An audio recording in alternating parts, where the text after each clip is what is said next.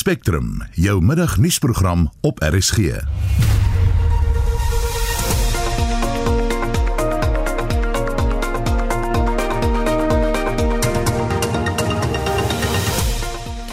vandag se program, die jong storie brand by Kleinmond, die baie reën raak nou 'n probleem. Soos vir die reën aanhou val in die somerreënvalgebiede sien ons al hoe meer op berigte inkom oor aanplantings in verskillende provinsies wat redelik swaar trek.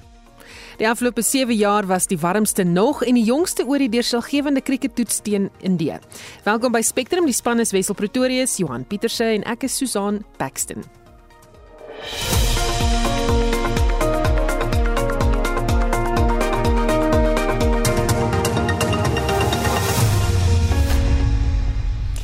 Nou 4 minute oor 12 jy luister na Spectrum. Die minister van vervoer, Fikile Mbalula, het vanoggend meer besonderhede bekend gemaak oor 'n COVID-19 taxi verligtingfonds wat ingestel gaan word. Die fonds is 'n finansiële ondersteuningsprogram deur die departement van vervoer in samewerking met die nasionale bemagtigingsfonds. Dit word eenmalig aan taxi-operateurs gegee om die impak van die COVID-19 pandemie te verlig. Ons praat nou met ons verslaggewer wat die media-konferensies bygewoon het, dis Mgeni Mtwa. Good afternoon, Mgeni. Good afternoon, Susan. How will the new relief fund be implemented? It's going to be dispersed by the National Empowerment Fund. Uh, they are going to set up call centers uh, in all the nine provinces. And uh, according to Minister Mbalula, unemployed graduates uh, are going to be recruited to be the ones who man those call centers. And uh, all the qualifying taxi operators. Uh, that means uh, registered uh, taxi operators uh, will be able to apply uh, for this. It's a once-off uh, relief grant of fi- of five thousand rands that the taxi operators can can access through the National Empowerment Fund, and the application process uh, is going to be open as from today. And according to Minister Mbalula, they hope uh, to have dispersed the whole amount, which is about 1.1 billion rand, by the end of March this year. Why this fund? This fund, uh, according to Mr. Mbalula, uh, it's, it's, it's the latest uh, in the list of relief measures that government has, uh, you know, unveiled or embarked upon uh, to alleviate the negative impact of the COVID-19 pandemic on various sectors of the economy.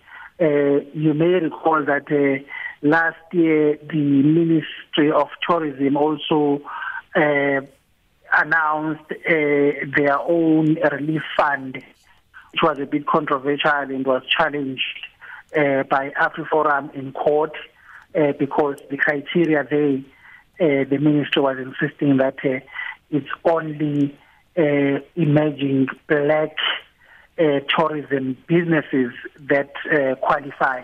The amount in that fund was a, a once-off payment of 50,000 rands to affected tourism businesses. He also linked it to the 350 uh, social grant that government introduced as part of the measures to alleviate the high numbers of retrenchments that uh, happened post-COVID, uh, which is still uh, in place at the moment. Uh, unemployed people, people who who've lost their their jobs, uh, are able to apply for the 350 grant as well. So he, he has located it in that context that this one is for the taxi industry. Uh, and he says because the taxi industry is not subsidized by government, uh, that's why they've decided to, to, to launch this fund uh, for them. Uh, uh, unlike the buses, the bus sector uh, is subsidized by government, so they are not covering them or including them as part of the relief fund uh, for the Hmm. Did he say if all taxi operators will qualify or be able at least to, um, you know, apply for the relief fund? Well, the, the, the, the key word here is registered. because uh, I was talking to one of the officials from the Department of, of Transport. The taxi industry, as you know, historically uh, has been unregulated, and uh, in fact, over the years post 1994, uh, the taxi industry uh, has always resisted uh, any attempts by government to regulate them because mainly because they said government does not subsidize them. Uh, the, the taxi industry is not subsidized like buses. So by trying to regulate them, government wants to corner them or to put them in the corner to force them uh, to pay tax uh, when in fact they are not subsidized like buses. So as a result, you have a situation where today the, the, there, there are lots, in fact, it, it could be the majority of taxis on our roads uh, are not registered uh, by government. They are not in the government database, uh, the, you know, the image database. So for this fund, it's only taxis that are registered on the e-native database. They are registered by government, by the transport. And uh, Mr. Balua was giving uh, figures uh, here saying that uh, according to the government database, there is only 136,000 taxis that are registered. I mean, if you imagine uh, how many taxis are out there, uh, that number sounds and seems uh, very, very small, uh, actually. Uh, so it, it's a very interesting uh, situation and dynamic, this. But again, the fund is for registered taxis only. Mm. And uh, I must also add that it also includes uh, meter taxis. Uh, uh, the, government has got figures of how many meter taxi operators are registered out there, and e-hailing services. Uh, you know, your Ubers and so on and so on. So yeah. people who, who who who have those uh, operations or those yeah. kind of uh, transport services, those that are registered uh, with government, with the department, can also apply for this relief for this relief grant. Baie dankie ons het gepraat met ons verslaggewer Mbongeni Mutwa. Die so die swaar reën oor groot gedeeltes van die land is besig om die landbousektor op groot skaal te beïnvloed. Dr Frikkie Maree, senior landbouekonoom van die Universiteit Vryheid sê dit raak nou 'n penarie vir landbouproduksie. Soos wat die reën aanhou val in die somerreënvalgebiede sien ons al hoe meer op berigte inkom oor aanplantings in verskillende provinsies wat redelik swaar trek. Lande waar die plante versuip waar erosie veroorsaak is deur geweldige hoeveelheid reën waar lande nog nie eers geplant kan word nie aangesien dit net te nat is en dan selfs plekke waar die koringmoes nog op die lande staan wat nie gestroop kan word nie. As ons dink aan die hoë produksiekoste om hierdie oeste wat reeds geplant is in te kry in terme van dieselpryse, kunsmispryse, is hierdie produsente in 'n redelike penarie op die stadium. Die kunsmis wat gegooi is met die eerste aanplantings is redelik uitgeloog deur die groot hoeveelheid reën en nie net die koste om weer kunsmis toe te dien nie, maar ook die feit dat die lande te nat is en kunsmis nie toegedien kan word nie, maak dat ons produksie net kleiner gaan word. Ek dink in die algemeen gaan ons hierdie seisoen redelik hoë insetkoste sien en nie net die insetkoste van diesel en kunsmispryse vir graanprodusente wat deurtrek vanaf verlede jaar nie en dan Huidiglik hoor ons nog tekorte oor Roundup ook en die pryse wat daar skerp styg, maar ook aan die veekant. Indien ons gaan kyk na die mielieprys, beweeg die prys rondom uitvoerpariteit vir geel mielies met wit mielies wat net 'n klein bietjie goedkoper is. Maar indien die mielieoeste gaan swakker wees as wat verwag, kan ons die prys hoër beweeg vir geelmielies en nader na invoerpariteit toe en dan ook die witmielieprys ondersteun. So in terme van die veebedrywe gaan ons dan sien dat voerkrale redelik baie gaan moet optok vervoer wat dalk die speenkalfprys onder druk kan plaas en dan ook die A-graadpryse redelik kan opstoot. So ek dink hierdie jaar alhoewel dit sover vir baie produsente 'n wonderlike jaar is met goeie reën, veroorsaak die reën ook op hierdie stadium dat die landbou siklus se koste al hoër gedryf word en ek dink ons gaan moet mooi besin oor wat ons te doen staan om koste so laag as moontlik te hou. Aan die ander kant help dit ook net om aan kostes vas te kyk nie. Produsente moet ook op plase bly en jy gaan moet mooi besin oor die beste manier om te probeer suksesvol wees in 'n uitdagende jaar. En dit was Dr. Frikkie Maree, senior landbouekonoom van die Universiteit Vryheid. Paaie in die Kleinmond omgewing in die Oeverbergstreek in die Wes-Kaap is weer oop nadat dit gister gesluit is weens erge brande. Volgens die plaaslike regering is daar nog geen risiko vir inwoners nie. Die burgemeester, Dr. Annelie Rabie, sluit nou by ons aan met die jongste inligting. Goeiemôre Annelie. Middag Susan, middag aan die luisteraars. Hoe vorder bestrydingspogings? Dit gaan eintlik op die oomblik nie met ons sleg nie. Dit het uh, ligweg begin reën in die Kleinmond omgewing en ek is opreg dankbaar daarvoor. Gou net 'n vinnige opdatering vir jou. Ons het steeds 150 man en vrou in die veld. Ons het een vliegtuig wat nog vir ons help om water te gooi veral in die Paardeberg omgewing. Dis net bokant die golfbaan van Kleinmond vir mense wat die omgewing ken. Uh dit is ons risiko aktiwiteit vir die dag. Ons het drie ander plekke waar ons dit uh in bedwang het, maar daar is nog hier en daar sulke wat hulle noem 'n warme kolle, soos die die manne vir my sê, maar ons het nie op die oomblik daardie aktiewe lyne nie. So uit die vier aktiewe lyne wat ons gehad het, is drie in bedwang, die een by Karwyde Skraal, die een by Arabella en dit was die rede hoekom die paaie toegemaak was en dan natuurlik die een wat die woonbuurt Heuning Kloof in Kleinmond bedreig het die afgelope 2 dae. Ons het dit danksy uh, ondersteuning van 'n verskeidenheid munisipaliteite het ons dit onder beheer. So as die Spadeberg vandag kan doen, dan then then we've done it. Uh, ek wil net vinnig byvoeg wat belangrik is is ons uh, ons infrastruktuur ten opsigte van die Oeverstrand en dan Kleinmond spesifiek, Arabella spesifiek is uh is beskermd en is is reg. Ons het nie op hierdie stadium enige beduidende dreigement vir ons infrastruktuur nie. Hmm. Ek wou net vir jou gevra het, jy weet jy het besoek afgelê aan uh, ander plekke ook uh, Arabella onder meer uh, wat deurgeloop het onder hierdie vlamme. Hoe lyk dit daar op die grond? Weet jy, ek was oral. Ek dink ek het vir 48 uur geslaap nie. Ehm um, ons was oral, ons was op die grond, uh, op die front frontline. Ons was by die vure. Dit lyk maar nie lekker nie. Dit lyk sleg. Uh ons het 'n probleem natuurlik dat ons nie sekere tye nie wil hê fynbos moet te vinnig brand hier dat dit meerjarige uh jy weet 'n periode moet wees, maar dit lyk maar faal. Uh hopelik sal ons gou uitloop hê, maar uh dis dit lyk sleg.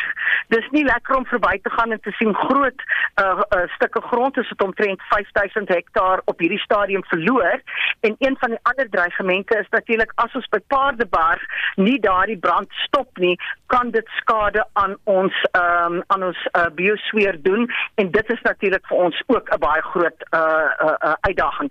Ek wil net vir jou op die punt sê dat ons het twee benaderings. Die een is ons ons stuur nie ons brandweermanne in as hulle lewe in gevaar is nie. Tweedens kan ons nie helikopters laat vlieg as die wind ehm um, teen hulle is teen soos jy weet wind is in Kleinmond gemaak, klink dit vir my. Mm. en da, en dan natuurlik is dit mense en diere en daar en saam met dit oorkoepelend tot dit is natuurlik ons biosfeer en en ons plante groei. So ons het 'n multifaceted benadering tot hoe ons hierdie brande hanteer en ek moet vir jou sê ek het net die grootste respek vir brandslaanders gekry. Ek was saam met hulle in die veld, gesien hoe hulle werk. Dit dit is verskriklik. Dis nie 'n werk wat ek wil doen nie. Mm. Annelie, um, jy het nou gesê uh, baie van hierdie brande, daar's drie van hulle wat nou onder bedwang is. Wat beteken dit? Is daar nog vlamme? Smeel dit ja. net? Hoe werk dit? Ja, wat wat gebeur? Hulle noem dit warme kolle of hotspots.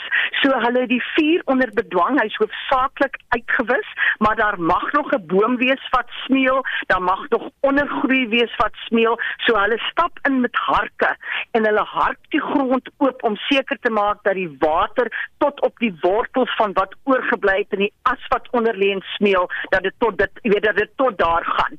So daar is nog sulke plekke by Arabella is 2 of 3, maar nie in Arabella self nie op die padreserve aan die oorkant van die pad van Arabella.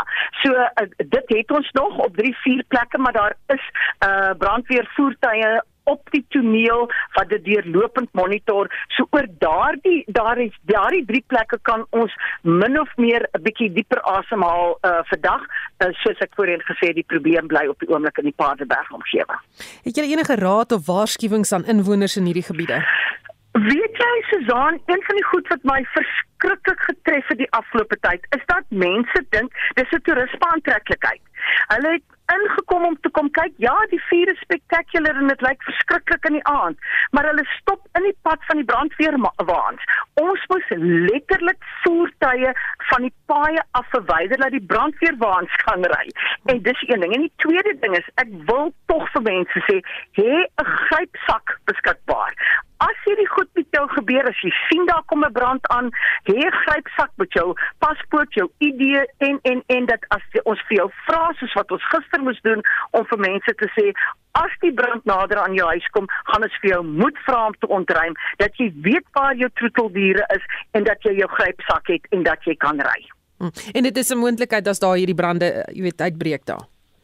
Die op hierdie stadium nie. Ons het uh Saterdag aand 'n ernstige risiko gehad. Ons het Sondag aand 'n risiko gehad, maar op hierdie stadium is dit is bestaan daardie risiko nie vir nou soos wat ek met jou praat nie. Baie dankie. Dit was die Oeverstrand burgemeester Dr Annelie Rabie wat met ons gepraat het en soos sy gewaarsku het, moet asseblief nie daar stop nie. Dit is gevaarlik. Uh dit is nie 'n toeriste aantreklikheid nie en hê 'n grypsak as daar iets moet gebeur dat jy vinnig uit die pad van hierdie brande kan kom. Um dit beweeg vinnig en dis, dis baie gevaarlike situasie daar. Ek sien ook ons kry redelik baie klagtes van senderprobleme daar. Dit kan moontlik wees as gevolg van die brande. Ons mense werk daaraan. So ons is bewus daarvan. Dankie vir almal wat laat weet. Die departement van basiese onderwys sê hy's gereed vir die 2022 skooljaar wat môre vir leerders in binnelandse provinsies begin. Leerders by skole in kusprovinsies gaan volgende week terug skool toe. Terwyl 'n media-konferensie oor die departement se gereedheid het minister Angie Motshega gesê, hulle is bewus van leerders wat nog nie plek het in skole nie. Sy het ouers gevra om sover as moontlik saam met die regering te werk wat die kwessie betref. I know it's not very comfortable for learners for parents to know that when Tuesday other learners are going to schools, their children are not going to school. But we are committing that by law we are compelled to find spaces for every child. So it's not their burden alone, it's our responsibility also to make sure that we find places for all the learners. And really appeal with communities to allow provinces to place learners where the places because we are aware that there are also schools that have reached their maximum capacities and further admissions are impossible in those schools. Volgens haar was die 2021 skooljaar meer stabiel as 2020 weens 'n hoë inentingskoers in die sektor. Wat die inent van leerders betref, sê sy dat haar departement geen inentings by skole toedien nie, omdat dit deur die departement van gesondheid hanteer word. Now working with our SGBs, with our parents, with the Department of Health, we will intensify the program to encourage young people to vaccinate and also encourage parents to get their kids vaccinated. I had lots of reports of parents saying they now hear that we're going to vaccinate their children without their permission, which is a bit uncomfortable. And I did explain that we'll seek at all costs to make sure that we work with them, we get their permission. But vaccination programs are run by the Department of Health, not ourselves. So if 12 year olds go and present themselves at a health facility for vaccination, it's completely out of our control. But our preference will that parents will work with us to motivate and support learners and their children. Die meeste COVID-19 regulasies bly van krag, maar die departement beoog om regulasies by sport en ander byeenkomste te verslap. Volgens Mochega is hulle ook bewus van oproepe om die roteringsstelsel te skrap. The fact of the matter is that COVID-19 is still very much with us and we need to continue to work together to fight it. We're exploring possibilities to return schooling to normal, as the call has been made by some teacher unions, parents, and even schools that they would wish to have all their learners coming. But unfortunately, we have to comply ourselves, the Department of Education, with the protocols of COVID 19. We can't do it on our own, and we have to really work on mechanisms. We did issue directives amending the regulations in terms of the Disaster Management Act in order to address the matter relating to gatherings and amendments has also been factored in the directions in schools. And the amendment with this regard is around spectators permitting spectators at sport venues. Because again, parents were quite at pains that when they are sporting activities, they drop their kids, they can't really be spectators, or only one parent is allowed. Die minister het ook 'n oorsig gegee van die afgelope jaar se vordering met toegang tot water en elektrisiteit by skole, asook die bou van nuwe skole. For instance, for water projects, we've given 1156 schools, we've provided electricity to 373 schools, and we have built new schools, 286 schools in the past year. But on SAFE, which is a presidential program, which is sanitation safe sanitations for schools to replace uh, pit latrines. We have already provided 1,439 schools. So of the 3,000, 1,000 has received full programs. The last group, they are at very advanced stages of delivery, and we're going to finish the last lot now. And the delivery depends on the money we have. Dit was die minister van basiese onderwys, Angie Motshega. Sy sê die departement sal oor die volgende 10 dae met sekerheid kan sê presies hoeveel leerders in die land geregistreer is. Marlene Forsie is ikonies. Die nuwe skooljaar begin môre vir leerders. Vele uitdagings het die 2021 skooljaar verlede jaar ontwrig en onderwyskenners meen matriekuitslae kan moontlik die impak van die uitdagings weerspieël. Ons praat met die uitvoerende hoof van die Federasie van Skoolbeheerliggame, Jaco Deeken. Goeiemôre Jaco. Goeiemôre Susan. Dink jy ons kan vanjaar 'n laer matriekslaagsyfer verwag? Ek gaan verras wees as dit uh, dieselfde is of selfs hoër gaan wees want hierdie groep wat geskryf het is deur 2 jaar se COVID-ontwrigtings en jou goeie skole, jou topskole gaan vir jou baie vinnig verduidelik dat jou graad 11 jaar is amper 'n belangriker jaar vir voorbereiding vir jou finale eksamen en hierdie ouetjies het 'n baie groot ontwrigte graad 11 jaar gehad. So ek dink baie realisties dink ek dit gaan baie hoër wees as die vorige jaar en ons hoop natuurlik maar ek sal verras wees. Hm. En dan uh, vanjaar se matriekuitslae gaan nie in die media bekend gemaak word nie. Uh hoekom nie en dink jy dit gaan een of ander impak hê? Ek dink die departement sou die pot mis met die poppie wetgewing of nie persoonlike beskerming van persoonlike inligting.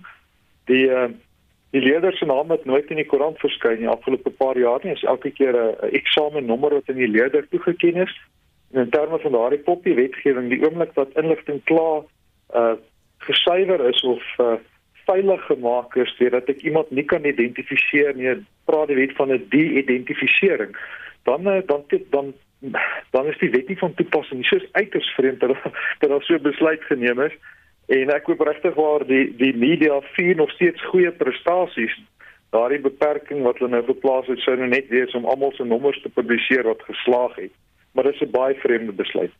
Uh, dit laat mense nou die vraag vra, dink jy dat uh, jy weet dit toegelaat sal word dat ons met die topleerders of leerders sal kan praat as ons nie die matriekuitslae mag bekend maak nie? Ek dink baie nie waar skole gou so graag wil spok met goeie uitslae ons moet vier en daar's 'n klomp kinders wat regtig vir baie jare baie hard gewerk het en regtig elke stukkie nuus en gelukwensing gaan uh, gaan verdien. Hmm. Die afgelope twee skooljare is gekenmerk deur die vele uitdagings wat die COVID-19 pandemie meegebring het. Hoe gaan vanjaar lyk?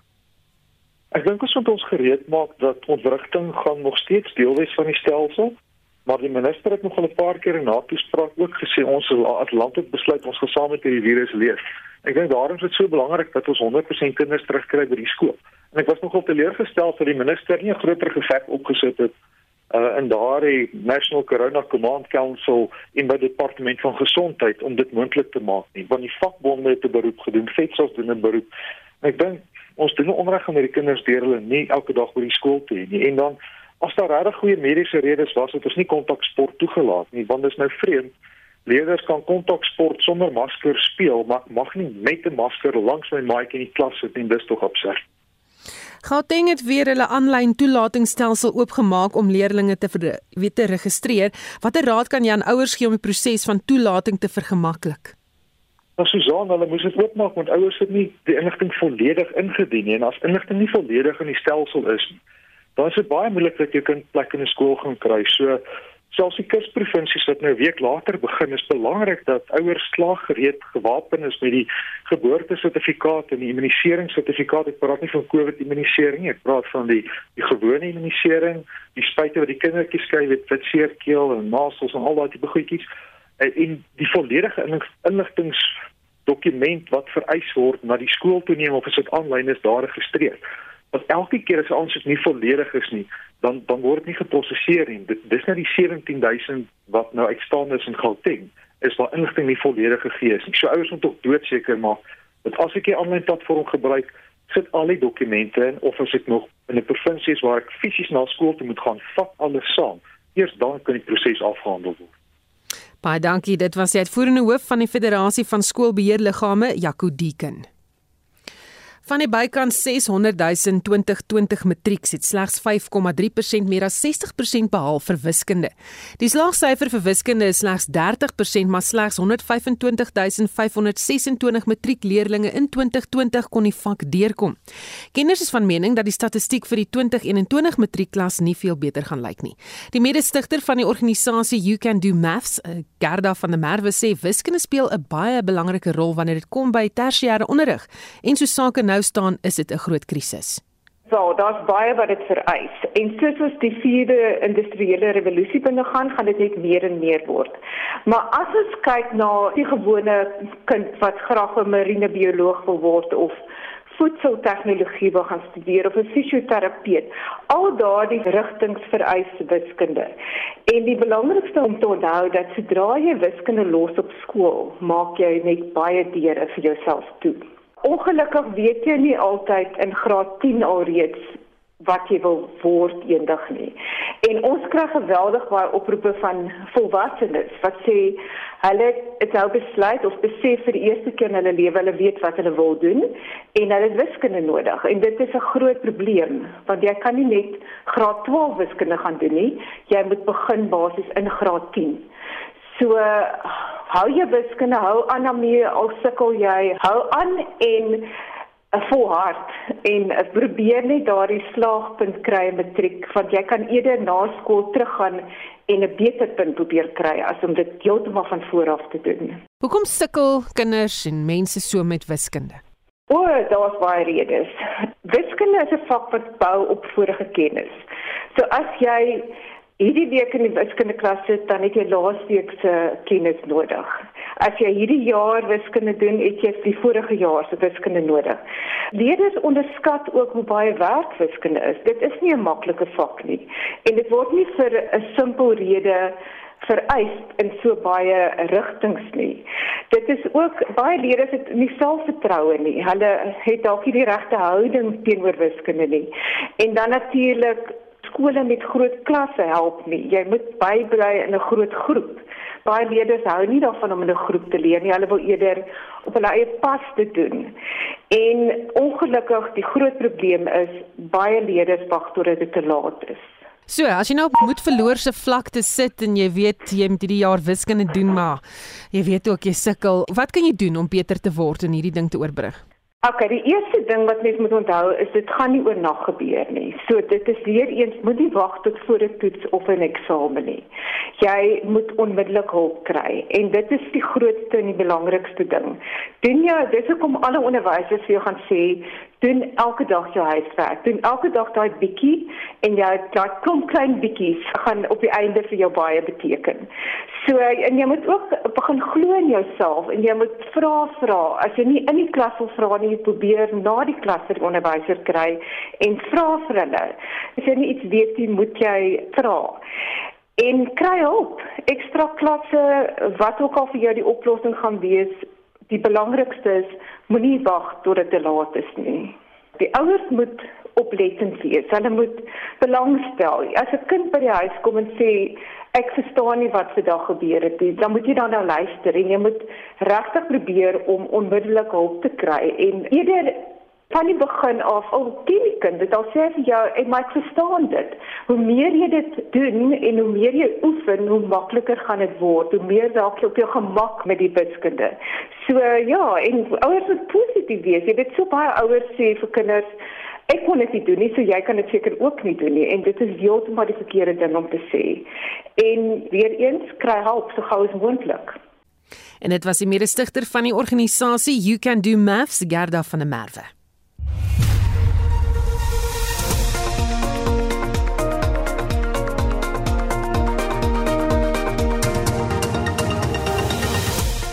Hoofnuus in ons program, die landbousektor sê die baie reën raak nou 'n probleem. Die EU sê die afgelope 7 jaar was die warmste nog en die jongste oor die deurslaggewende krieketoets teen Indië bly ingeskakel.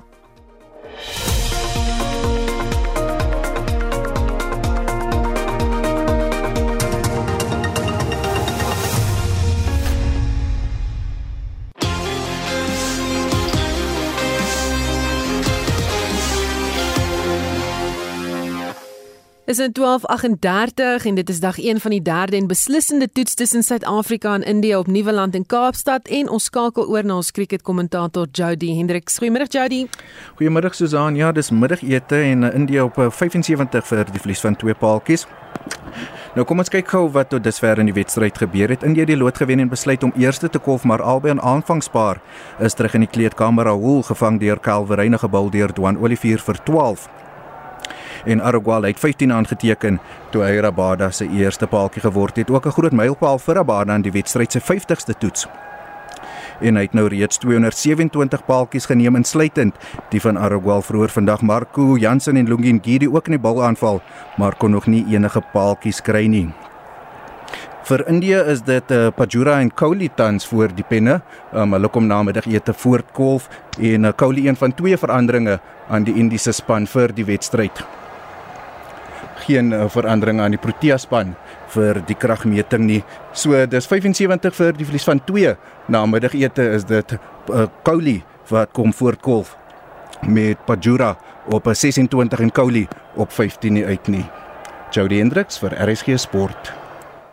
En hy gaan luisteraars regter die dag op hoogte hou.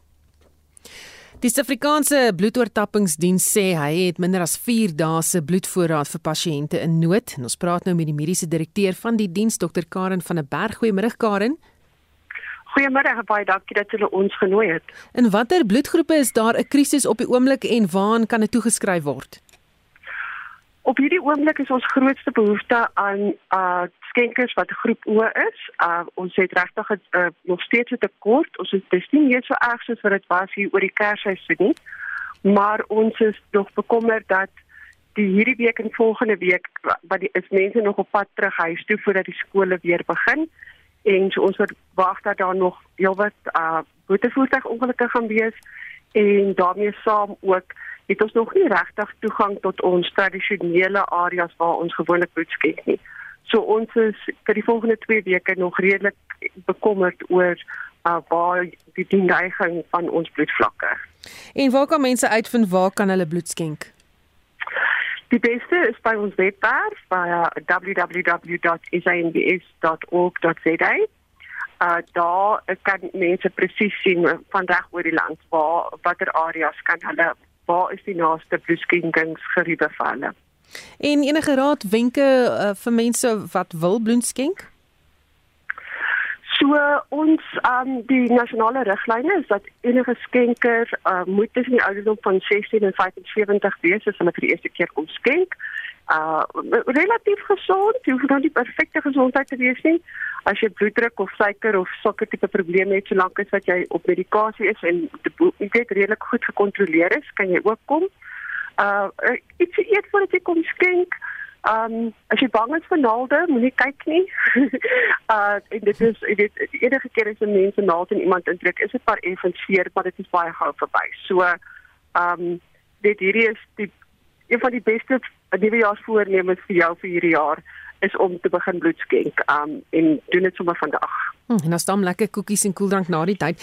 Net 'n laaste vraag, um die uh, COVID pandemie, het dit enige invloed uh, moet mense, jy weet, gesond wees, dit sê enigiets van daai aard? So dit die COVID het ons verskriklik negatief uh, geaffekteer oor die laaste 18 maande, wel 24 maande nou al amper. Um maar ten opsigte van ons skenkers, het jy solank jy nie enige simptome het nie, um en jy nie uh, weet die laaste 10 dae 10 14 dae met enige iemand wat positief getoets het en kontak was nie, kan jy kom. As jy 'n vaksinne gekry het, kan jy sommer dieselfde dag op die volgende dag kom skenk as jy goed voel, maar as jy vir een of ander rede iemand is wat nie uh die vaksin wil vat nie, dan kan jy ook kom. Um ons aanvaar beide mense wat geïmmuniseer is as ook die wat nie geïmmuniseer is nie. So en as jy COVID gehad het, ehm um, as jy jy weet baie uh uh ligte simptome gehad het, kan jy binne 14 dae nadat jy uh gediagnoseer is kom skenk. Maar as jy nou meer siek was en jy was dalk in die hospitaal, dan moet jy dan nou eers heeltemal oor dit kom, so sê nou maar 4 weke of so en dan um gaan ons jou met oop arms verwelkom. Baie dankie. Ons het gepraat met die mediese direkteur van die bloeddiens, Dr Karen van der Berg. Eers was daar 7 maar jare, toe die 7 vet jare, nou was daar die 7 warmste jare. Die Europese Unie sê volgens die Copernicus Klimaatsveranderingsdiens was die afgelope 7 jaar die warmste in die wêreld se geskiedenis. 2021 was volgens die diens die 5ste warmste jaar tot nou toe. Die verwarming van die klimaat lei ook tot meer en groter veldbrande, vloede en storms. Professor Fransjo Engelbreg, die direkteur van die Global Change Institute by Wits Universiteit sê, hierdie is 'n waarskuwing dat die wêreld vinnig moet optree om aardverwarming verwarming te stop. Die Copernicus Klimaatdiens van die Europese Unie het 'n nuutste verslag gepubliseer wat die stand van die wêreld se klimaat en spesifiek ook die globale temperatuur monitor. En die bevinding is miskien nie so groot verrassing nie. Die laaste 7 jaar was ook die warmste 7 jare wat nog ooit gemeet is deur die mens. En metings het begin min of meer in 1850. So dit beteken dat die proses van globale verwarming voortduur, dis as ware besig om te versnel. Nou die afgelope jaar 2021 was 'n sogenaamde La Niña jaar. La Niña jaar is gewoonlik jare wat koel is en baie dele van die wêreld ook oor ons eie streek gaan dit dikwels gepaard met wolkvorming en onnormale reënval. Dit was weer eens die geval. Maar ten spyte van die feit dat die Stille Oseaan koel was gedurende die La Niña gebeurtenis, was 2021 nog steeds die vyfde warmste jaar wat nog ooit gemeet is. So die verslag sê vir ons globale verwarming is net ons, dis versnel, dis besig om te versnel en ons kan toenemende impakte van klimaatsverandering verwag oor die volgende dekade en oor die volgende klompie dekades soos wat die aarde al warmer word. As ons nou so kyk na um, wat hier in Suid-Afrika gebeur, ons het vloede, ons het groot veldbrande. Hierdie verslag verwys ook na al hierdie gebeurtenisse. Kan ons dit toeskryf aan klimaatsverandering? Ja, so dan ons kan deesdae net die televisie aanskakel en ons kan die vingerafdrukke van klimaatsverandering sien reg oor die wêreld. So die bewyse is nou onteenseglik dat intense reënvalgebeurtenisse reg oor die planeet besig is om toe te neem. Dit is baie eenvoudig. Hoe warmer die atmosfeer is, hoe meer vog kan dit dra en hoe meer energie is daar beskikbaar om intense weerstelsels en stormstelsels te vorm. En ons sien dit ook in Suid-Afrika. Daar is sistematiese toenames aan die plaasvind in ons eie land en in ons eie streek in terme van die voorkoms van die aantal intense donderstorms per jaar byvoorbeeld.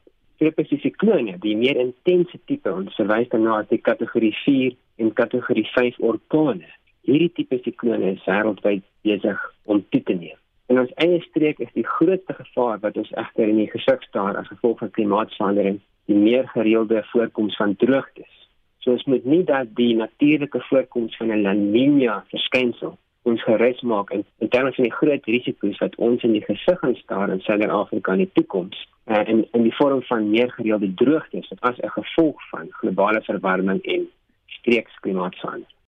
En dit was professor Fransjo Engelbreg, die direkteur van die Global Change Institute by Wits Universiteit. Môreoggend in Monitor net na 07:30 sal hy die kwessie behoorlik deurtrap, moenie dit misloop nie. Sterrekundiges het vir die eerste keer in die wêreld se geskiedenis gesien hoe 'n ster doodgaan. Die waarnemings is in Hawaii gemaak met teleskope op die grond. Die ster ter sprake is 'n reuse rooi ster.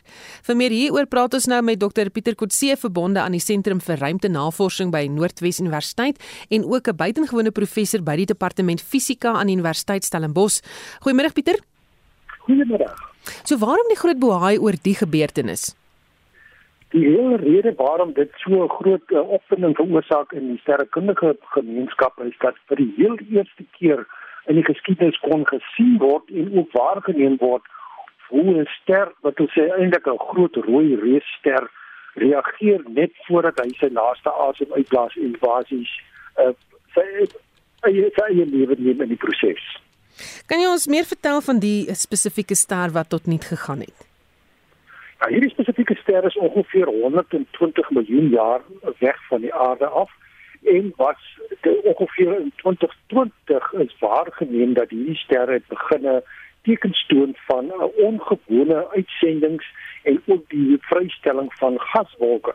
En dit is vir die heel eerste keer dat dit 'n aanduiding gegee dat hierdie ster basies besig is om uh, te sterf. So wat eintlik gebeur en voor dit het ons eintlik gedink dat hierdie rooi reuse eintlik 'n baie stadige dood sal sterf. Dit wil sê eintlik maar baie geleidelik, so amper soos 'n uh, flits wat se batterye pap word. Eintlik maar net sal van die toneel verdwyn, maar hierdie ster het eintlik vir ons nou vir die, die heel eerste keer aangetoon dat hierdie uh, rooi reuse eintlik 'n gewelddadige dood sterf uh, in die proses. Dit wil sê dat gaan geweldige gepaard met uh, uitsending uh, van of uitstraling van energie, groot ligbronne. Dit wil sê dit is eintlik voordat dit in 'n supernova ontaard het en dit het vir ons 'n aanduiding gegee dat daar gewelddadige of geweldige interne herrangskikking van die kern van die ster uh, besig was om plaas te vind net voor die ster nou uiteindelik uh, sou in 'n supernova ontaard en dan éventueel nadat die supernova homself uitgewis het ook in 'n neutronster sou uh, uh, uh, ontwikkel het. So dit het eintlik 'n heeltemal 'n nuwe perspektief geplaas op die lewe uh, of of die evolusie van spesifiek nou 'n rooi reus en hier praat ons van sterre wat ongeveer 10 maal na 100 maal die grootte van ons eie son uh, uh, in in die So hoe lank terug is hierdie ster dan dood? Die ster, eh, kyk hy's 120 miljoen jaar weg van die aarde. So dit het eintlik 120 miljoen jaar gelede plaasgevind, want dit is vir die eerste keer het die liguitstraling nou die aarde se teleskope bereik en kon dus eintlik vir die eerste keer waargeneem word. So dit plaas heeltemal 'n nuwe perspektief op wat gebeur met uh die lewe en evolusie van uh, groot sterre en kan ook moontlik aanduiding gee van wat met kleiner sterre kan gebeur in die toekoms. Dis 'n baie interessante konsep om, jy weet, uh, aan te dink en dit is 120 jaar terug het hierdie gebeur. Ons sien dit nou eers. Ehm um, is alles sterre se lewensbaie dieselfde? Ongelukkig, dit is 'n baie interessante aspek en ek uh, alle sterre se lewe uh, of lewenspad is radikaal verskillend van mekaar. En die groot bepalende faktor by die lewensduur van 'n ster is natuurlik sy massa.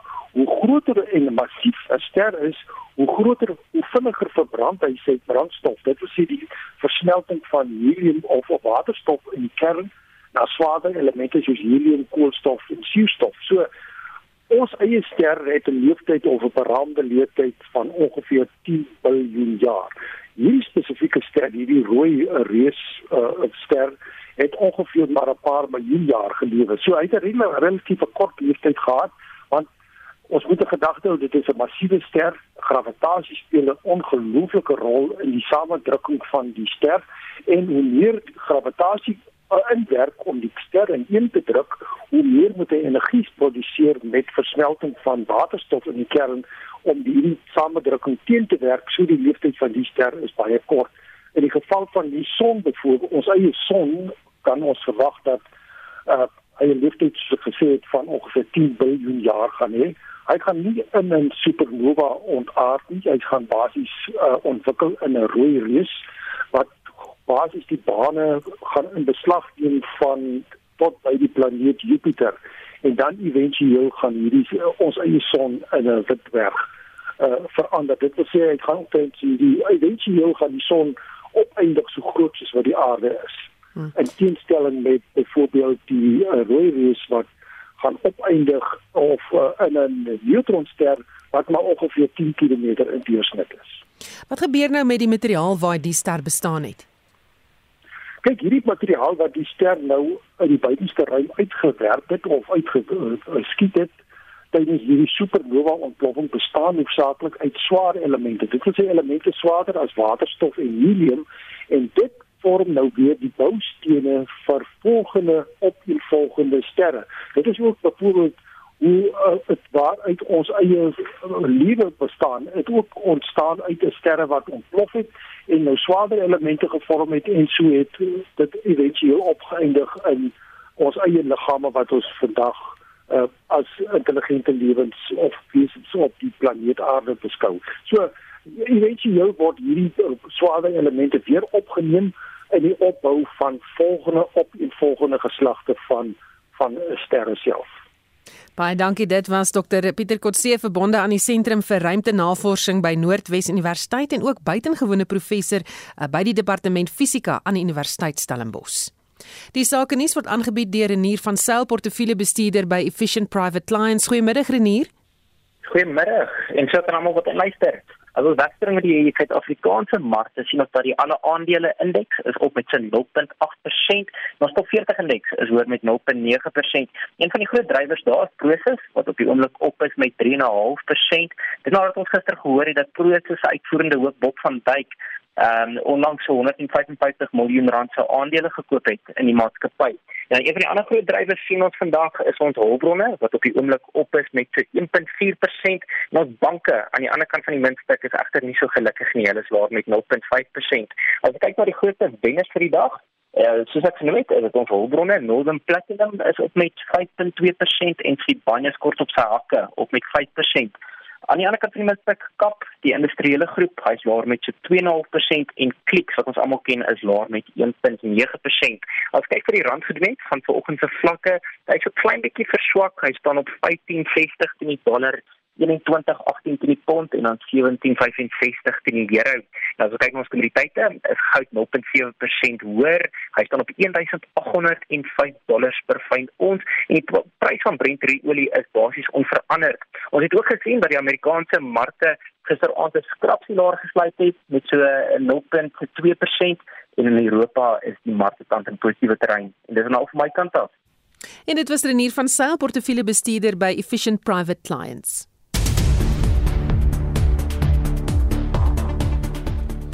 Estie het vir ons die nuus en ontwikkelende stories dopgehou vandag, Estie. Susan, die swaar reën oor groot dele van die land is besig om die landbousektor op groot skaal te beïnvloed. 'n Senior landbouekonoom aan die Universiteit van die Vrystaat, Dr. Frikkie Maree, sê dit hou gevolge in vir landbouproduksie soos wat die reën aanhou val in die somerreënvalgebiede sien ons al hoe meer op bergte inkom oor aanplantings in verskillende provinsies wat redelik swaar trek. Lande waar die plante versuip waar erosie veroorsaak is deur geweldige hoeveelheid reën waar lande nog nie eers geplant kan word nie aangesien dit net te nat is en dan selfs plekke waar die koringmoes nog op die lande staan wat nie gestroop kan word nie Baie in die Kleinmond omgewing in die Wes-Kaap is weer oopgestel nadat dit gister weens groot brande in die gebied gesluit is. Kleinmond se burgemeester, Dr Annelie Rabie, sê 3 van die 4 aktiewe brande is onder beheer en ligte reën het in die Kleinmond omgewing begin uitsak. Ons het steeds 150 man en vrou in die veld. Ons het een vliegtuig wat nog vir ons help om water te gooi veral in die Paardeberg omgewing. Dit is ons risiko aktiwiteit vir die dag.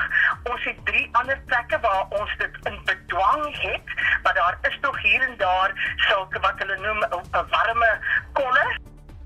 Die departement van basiese onderwys sê hy is gereed vir die 2022 skooljaar wat môre vir leerders in binnelandse provinsies begin. Tydens 'n media-konferensie oor die departement se gereedheid het minister Angie Motshekga gesê die meeste COVID-19 regulasies bly van krag, maar die departement beoog om regulasies by sport en ander byeenkomste te verslap.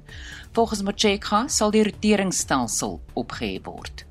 The fact of the matter is that COVID 19 is still very much with us, and we need to continue to work together to fight it. We're exploring possibilities to return schooling to normal, as the call has been made by some teacher unions, parents, and even schools that they would wish to have all their learners coming. But unfortunately, we have to comply ourselves, the Department of Education, with the protocols of COVID 19. We can't do it on our own, and we have to really work on mechanisms. Die minister van vervoer, Fikile Mbalula, het vanoggend 'n COVID-19 taxi verligtingfonds van stapel gestuur. Die fonds is 'n finansiële ondersteuningsprogram deur die departement van vervoer in samewerking met die nasionale bemagtigingsfonds. 'n Bedrag van R5000 sal eenmalig aan taxi-operateurs toegeken word om die impak van die COVID-19 pandemie te verlig.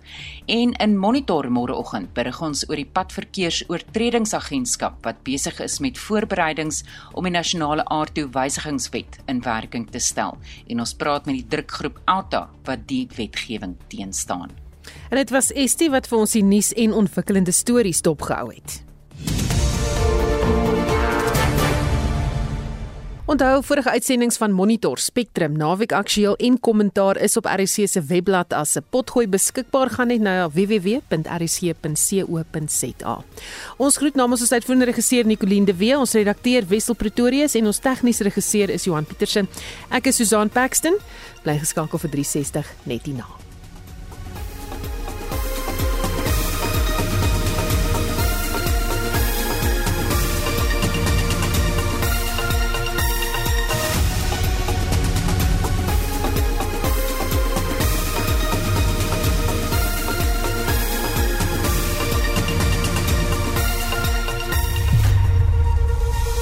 SAK nuus. Onafhanklik, onpartydig.